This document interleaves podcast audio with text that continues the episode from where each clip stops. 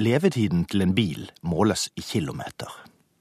En gjennomsnittlig bilkjøper vil trolig forvente at doningen skal rulle minst 200 000 km før den må avskrives i sin helhet. Men hvordan måles levetiden til et toalettsete? Kan man sette opp en komplisert ligning for dette?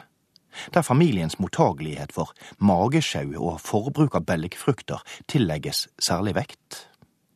Spiller det noen rolle hvor mange av husstandens mannlige medlemmer som sitter når de siler vann av potetene? Ikke vet jeg. Det ugjendrivelige faktum er i hvert fall at toalettsetet vårt sprakk onsdag i forrige uke. Noe som selvsagt kalte på våre laveste instinkter, og fikk alle i familien til å skåre billige poenger på hverandres bekostning. Først var planen min å simpelthen ignorere hårlinjebruddet tvers over toalettringen. Men det var før jeg reiste meg fra den fredag kveld, og fikk et skikkelig merrabitt bak på det ene låret. Smerten var verdig en SM-klubb fra Amsterdams mørkeste bakgater, og skriket mitt likeså. Denne hendelsen virket sterkt befordrende på min vilje til å investere i nytt baderomsinteriør.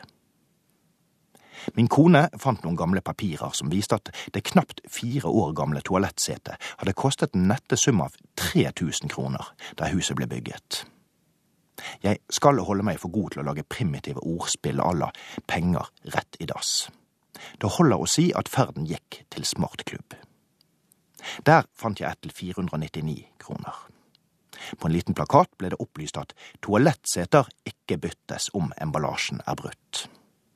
At man ikke innrømmes 30 dagers returrett på sånt, synes jeg er betryggende.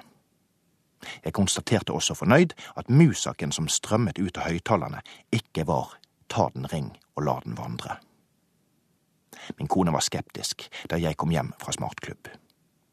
For 15 år siden skiftet jeg nemlig toalettsett i vår første leilighet, og greide da å feilmontere dette så oppsiktsvekkende uergonomisk at vi opparbeidet oss treg mage heller enn å benytte avtredet.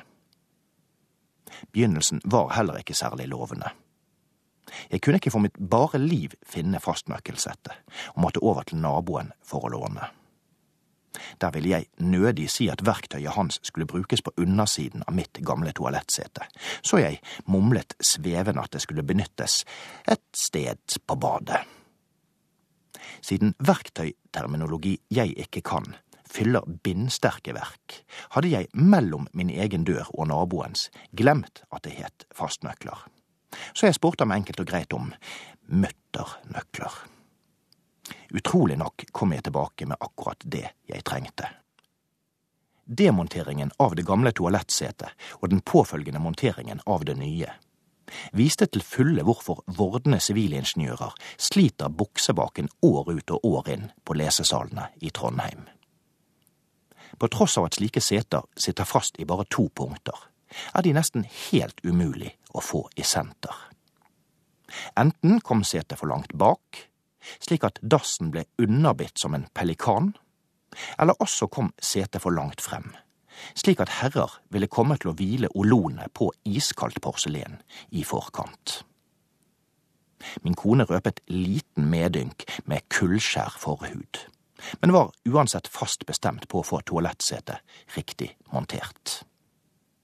Derfor ble det til at hun måtte gjøre det selv akkurat idet jeg ga opp, og tenkte at familien fikk venne seg til forskjellige grader av avføringsakrobatikk, alt etter kjønn og skabelon, tok min kone ansvar, skubbet meg til side og monterte setet riktig. Noe som sannelig var bra, for denne valentinsgaven gikk det tross alt ikke an å bytte.